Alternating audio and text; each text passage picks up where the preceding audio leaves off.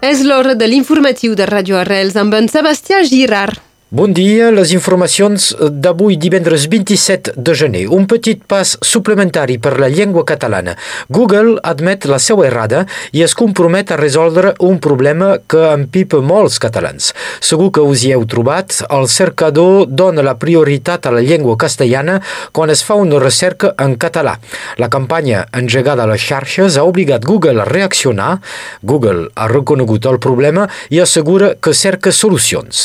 El Tribunal Tribunal de Marsella ha donat el seu verdicte en l'afer de la guerra de narcotraficants del barri Sant Jaume de Perpinyà. 19 homes van compareixer, entre ells 9 perpinyanencs, 9 bulgars i un italià. Tots els acusats van ser condemnats a multes i penes de presó. El suposat cap del bàndol, condemnat a 8 anys, no s'ha presentat al tribunal el dia del verdicte i és activament recercat. Perpinyà i la seva aglomeració seran zona de baixes emissions a a partir del 2025. L'aplicació d'aquesta llei ja genera un gran debat i posa les col·lectivitats públiques davant d'un repte de societat.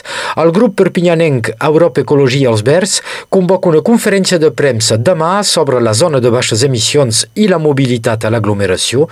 La cita és dissabte a les 11 al Cafè de la Pau a la plaça Arragó de Perpinyà.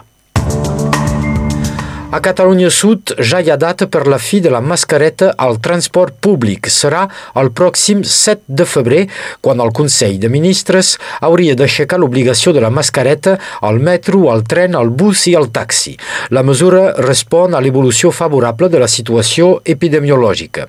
Això dit, la mascareta seguirà sent obligatòria als centres sanitaris i les farmàcies. És una dada molt seriosa. A Catalunya Sud gairebé un de cada tres accidents accidents de circulació van ser causats per cinglars i cabirols. Representa més de 5.000 accidents l'any passat que confirmen una tendència clarament a l'alça en els darrers 5 anys. Cinglars a la tardor i cabirols a la primavera, els dos animals preocupen la Direcció General del Trànsit que demana una campanya específica de sensibilització dels automobilistes que no fan cas dels panells que alerten de la seva presència o tenen un accident més greu encara Un boulet esquiva l'animal. Un nou front s'obre a Rússia contra la llibertat d'informar. El procurador general ha declarat indesitjable el siti d'informació Medusa. Medusa és el mitjà independent més important en llengua russa instal·lat a Letònia des del 2014. El poder rus acusa el digital de ser una amenaça per l'ordre constitucional i la seguretat del país. Prohibeix als ciutadans de difondre o compartir els continguts publicats i els col·laboradors treballadors de Medusa arrisquen sancions penals, així com les persones que cooperin de prop o de lluny amb el mitjà.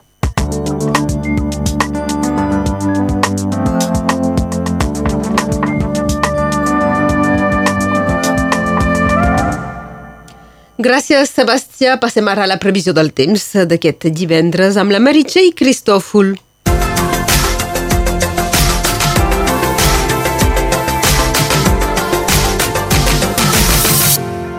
Dia. El programa continua sent el mateix, és a dir, cel gris i aire fred, el vent és encara ben present avui. Aquesta tarda la tramuntana hauria de bufar fins a 65 km per hora a la plana del Rosselló.